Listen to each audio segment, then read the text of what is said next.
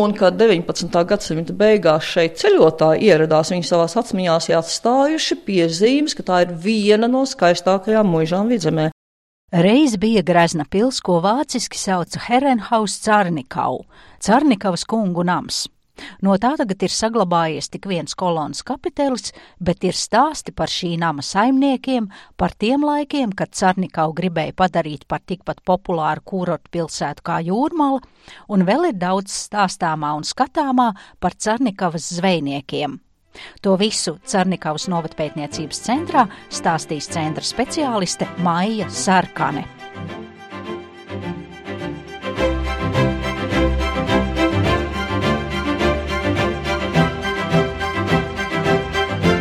Latvijas pērles.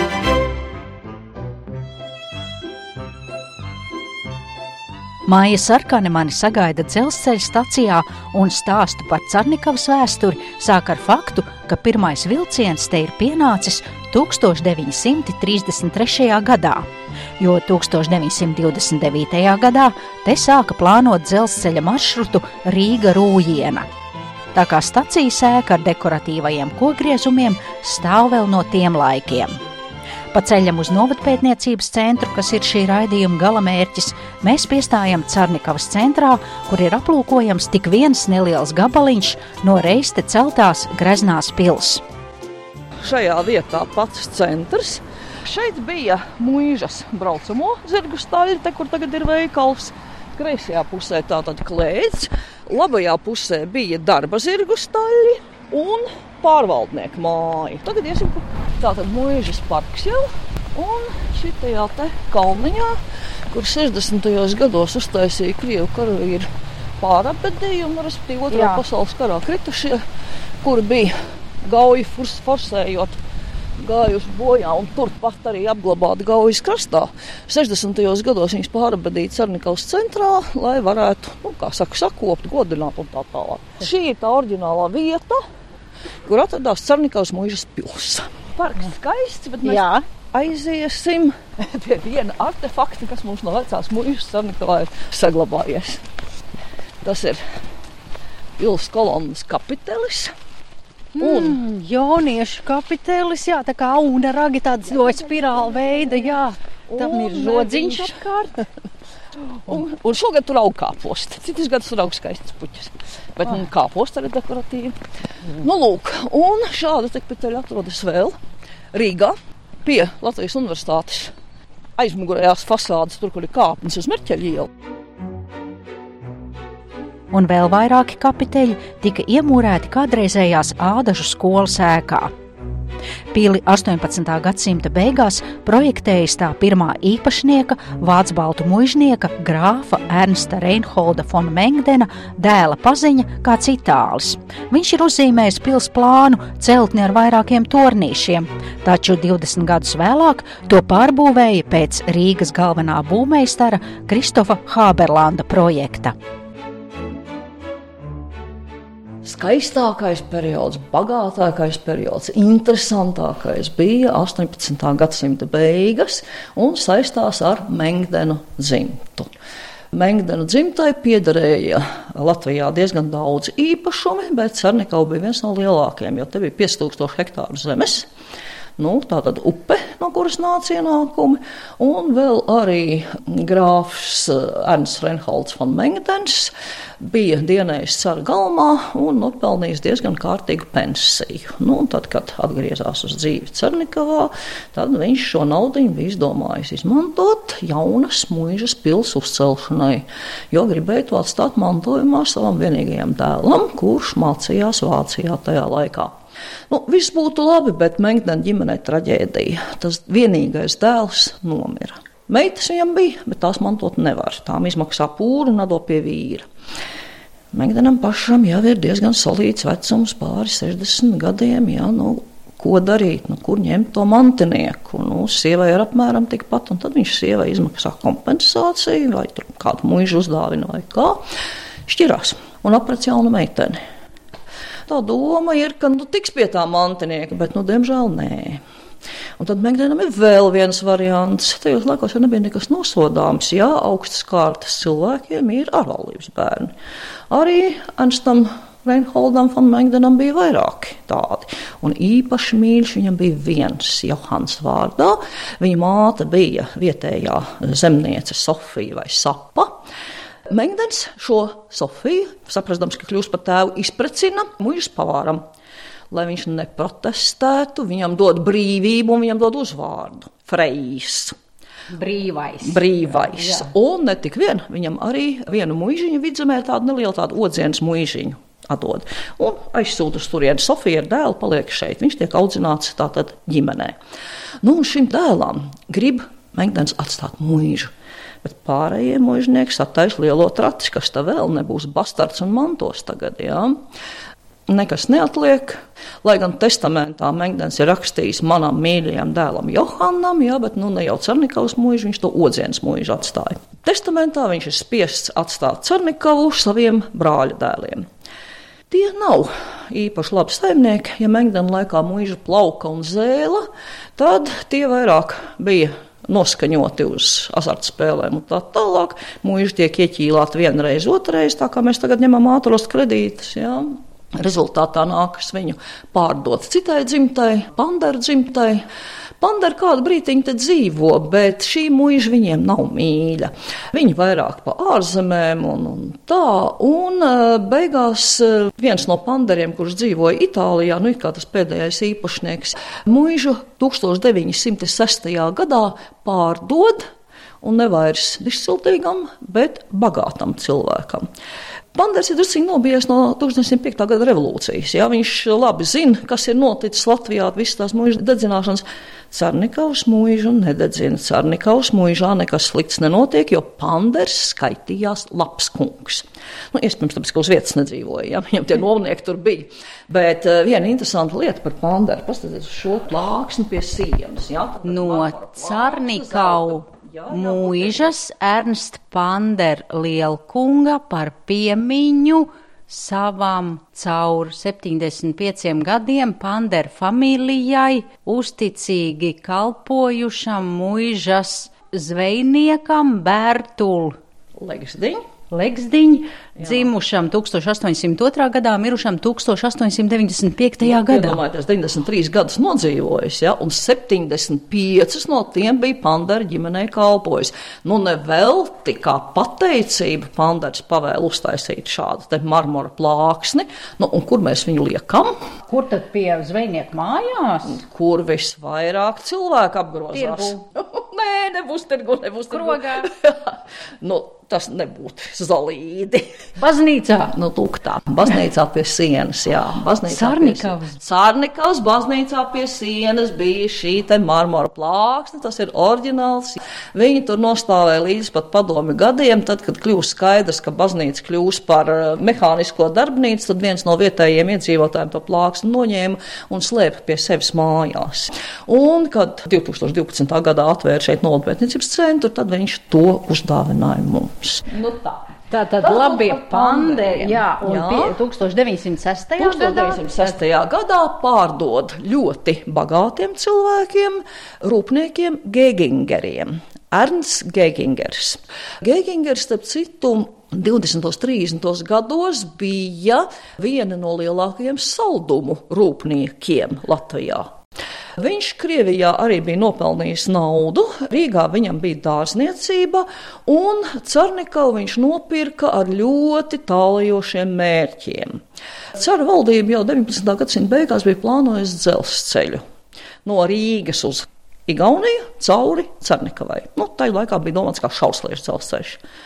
Un Gēgingers šo strateģisko vietu paredz priekš savas saimniekošanas, jo ar vilcienu varēs vest uz Rīgu zivis. Šeit viņš koncertu fabriku uzbūvē, pienu, viņam ir diezgan liela ferma, un vēl Gegingeram ir prātā šeit izveidot kurortu, kas varētu konkurēt ar jūrmalu. Viņam ir zemes arī gaujas labajā krastā. Viņš viņus smuki sadala abos gabaliņos, aizved jau uz turieni koku materiālus, aizved akmeņus, un tā laika avīzēs varam lasīt reklāmas. Pērciet zemi Cernikavā, šeit būs kurorts. Viņš taisījās būvēt spā, tagad mēs tā teiktu, ja, nu, tādas veselības iestādes. Viņš taisījās būvēt kultūras kaut kādas tur iestādes. Un, nu, vārdu sakot, šeit bija paredzēta liela attīstība. Bet visiem viņa plāniem pārvelk krustu Pirmais pasaules karš un skaistā ēka, kuras maketu un senās fotogrāfijas tagad var aplūkot Cernikavas novatpētniecības centrā, 1917. gadā nodedzināja. Un tad ir divi varianti, abas stāst vietējie iedzīvotāji. Viens ka mūžas pili, pēc lozunga mēs tiem vāciešiem neko neatstāsim, ir nodedzinājis mūžas kalpotājs, kuram bija uzticēts pieskatīt. Otrs variants, ka šeit jau bija apmetušies kareivji un ka, teiksim, ar neuzmanīgu apiešanos ar uguni mūža ir aizlikusies. Mēs zinām datumu, kad tas ir noticis - 1917. gada 30. augusts.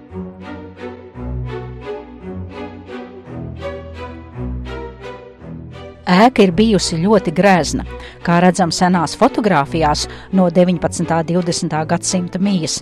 Tad iekšpusē pilsētas zālēs ir bijuši izbūvēti balkoni, un apaļās zāles nišas ir rotājušas četras marmorā darinātas sieviešu skulptūras, kas ir simbolizējušas četrus gada laikus un šīm skulptūrām, kā grezni postamenti, ir kalpojušas četras čuguna krāsnis.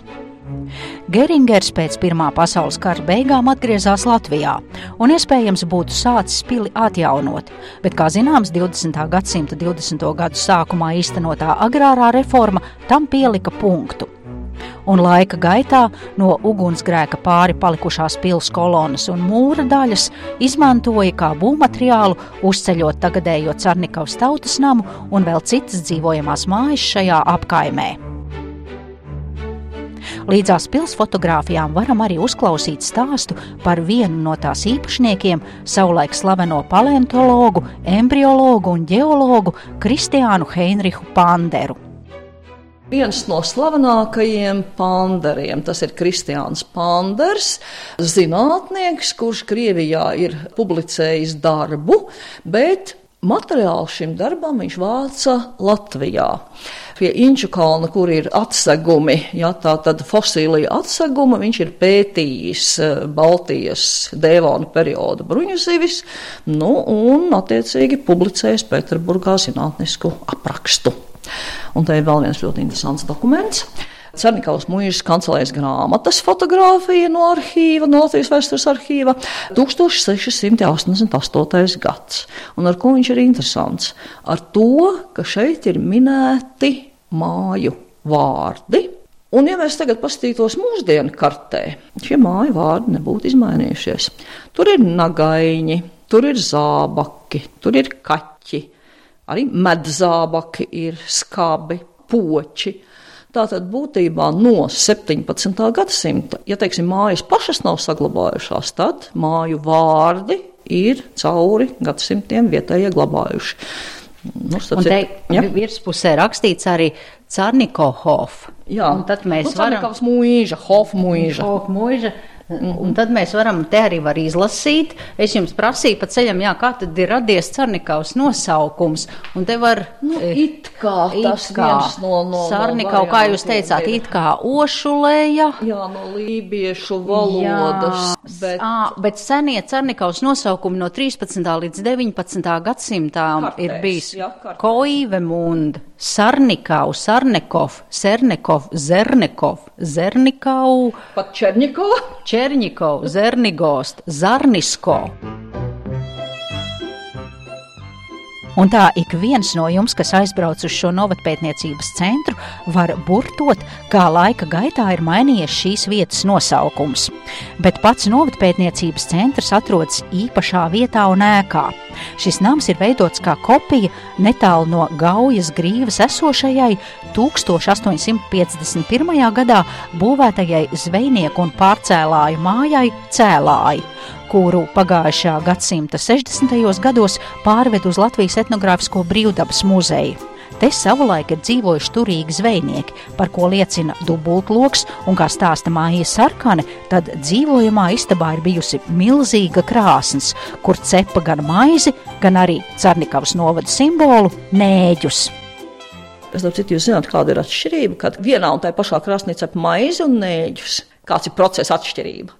Tad, kad cep maizi, krāsni izkurina, ogles izvāc, pelnus izslauk, uz karstā klona cep. Tad, kad cep nēģus, krāsni izkurina, ogles atstāja, tad ņem restes, rekumam tur ir restes, jā. Ā, tādas plakanas, kātu, jā. jā.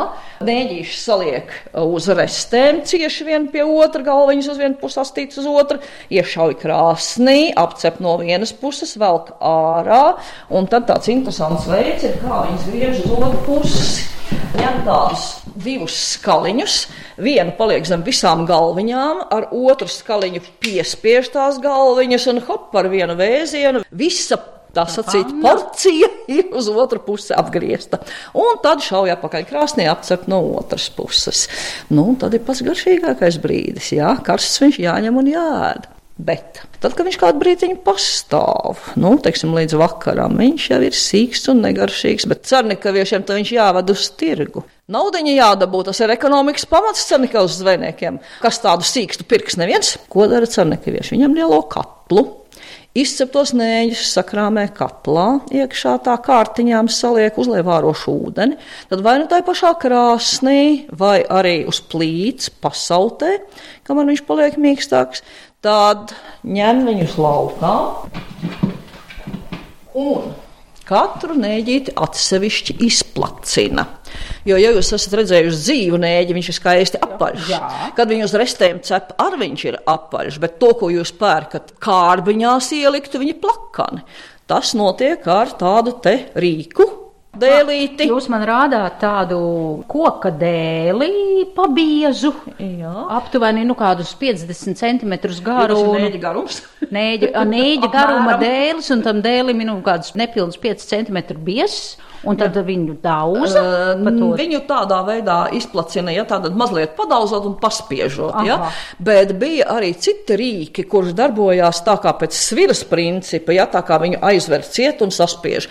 Bet tad, kad cepa fabrikā, ja, tad tur neiesaka katru neiet atsevišķi ķēpāties.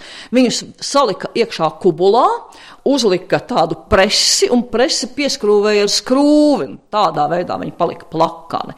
Nu, tad mums katlā ir palicis buļļoniņš, jā, viņš jāuzlej tiem saplacinātajiem nēģiem, sakārtotajiem kubuliņā vai kārbiņā virsū, un līdz rītam mums ir nēģi žēlējā. To presi var aplūkot Salacgrīvas muzejā. Es domāju, ja ka jā, nebija. Es domāju, ka noteikti, jo man liekas, ka te kaut kur fotografijā, nu te gan ir kubuliņi. Bet šīs visas fotogrāfijas, kas ir saistībā ar zveju, šīs fotogrāfijas, tās ir par Carnikavu tieši? Jā, jā, tā ir tieši Cernikavs. Cernikavs vecā zivju fabrika, um, Geigingera būvētā zivju fabrika. Tas ir gadsimta sākumā. Iekšskati arī Geigingera fabrikā. Tacis, jā, Tā tad otrs, nēģu laipa, kur gāja un iemet tos milzīgos tādus koka tā kā grozus, nēģu murdus, kuros ķēra šos radījumus. Jā, Jā. Mani interesē, te ir fotografija, kur ir, var redzēt, vada stilēšana, darbība, kur um, tīklu zivju. Piesien, eh, viņu Piesien. piestiprina pie tauvas, jā, jo, Mhm. jo, jo tīkls ir jāpiestiprina pie tauvas, lai viņi varētu iemest eh, ūdenī. Augšā pludiņi, apakšā gremdi. Pludiņi bija dažādi materiāli. Mums te ir stikla bumbas kā pludiņi, mums te ir korķis, gan dabiskais, gan sintētiskais. Mūrdus šeit var apskatīt, zvejnieku zābakus arī. Jāpiebilst, ka novadpētniecības centrs tika atvērts 2012. gadā, un savulaik to sāka veidot no senas zvejnieku dzimtas nākusī Elita Petersone, kura uzrunāja vietējos, lai tie pārskatot, kas mājā ir saglabājies no sendienām. Un tā cernikavieši ir nesuši mantas, kuras tagad var aplūkot šajā novadpētniecības centrā, kur līdzās fotografijām var gūt ieskatu gan Cernikavas zvejnieku, gan arī citu iedzīvotāju dzīvē un sadzīvē. Vietā, kur savulaik ir bijusi saimnieka istaba, tagad ir izveidots etnogrāfiskais stūrītis. Te ir redzama sena gulta, šūpulis, bībele, galds, un ievērības cienīgs ir Lāčplēša kara ordeņa diploms, kurā var lasīt par kādiem nopelniem tas savulaik ir piešķirts. Kas mums vēl te ir oriģināls? Oriģināls mums ir Latvijas kara ordeņa diploms, kuru par varoņu darbu 1919. gadā piešķīra vienās mūsu darbinieces vecvectēvam Pēterim Zandbergam. Šo diplomu visus padomju gadus tādā sarulētā veidā mājās glabāja, un 2012. gadā, kad nometnes centra atvēra, viņa atnesa uz šejieni. Nu, un dikti lepojamies ar šo te oriģinālu. Un tas diploms ir izdots 1922. Jā, gadā. 9. reizeknas kājnieku pulku karēvim Pēterim Zandbergam par to, ka viņš kaujā ar vāciešiem 1919. gada 18. novembrī pie Slampes mūžas ar dažiem karēviem aizgāja ienaidniekam aizmugurē, pārgāja straujā uzbrukumā, sacēla sajukumu ienaidniekā un tādā kārtā sekmēja svarīgā punkta ieņemšanu. Virtuvē starp citiem seniem traukiem māja sarkane man lepni demonstrē čugunā izlietu bada pankūku recepti, kas 20. gadsimta sākumā ir noderējis aizmāršīgām saimniecēm. Tās mazas bada pankūkas receptes, bet ar ko viņi atšķiras no citām līdzīgām? Tādas ir daudz Latvijā. Šeit ir recepte. Čugunā lieta recepte, kur ir rakstīts, cik vajag likt olu, cik sviesta, cik piena, Ja? Tā, es varu izlasīt vienu lefeli hefe, viena karote rauga, buter, tad sviests, cik te ir. Mārciņas 3 ceturdaļas. 3 ceturdaļas. Līdz 6 līdz 8 olas, ja. Milti, divas. Mārciņas, litri piena, jā. Cik? Divi, koma. Divi un viena ceturdaļa litra piena. Liter milš. Un ja mēs sakām, ka tā ir bada pankūka, nu kas tad tur pa badu ir no 6 līdz 8 olām. Jā. Čugunā izlieta recepte, jā. Nu, Aizmāršīgām saimniecēm, jo tolāk jau internet nebija, kur recepti var fiks atrast. Es saku paldies par aizraujošo ekskursiju Cernikavas novatpētniecības centra speciālistei Mājai Sarkanei. Raidījumu veidoja Zane Lāce. Latvijas pērles.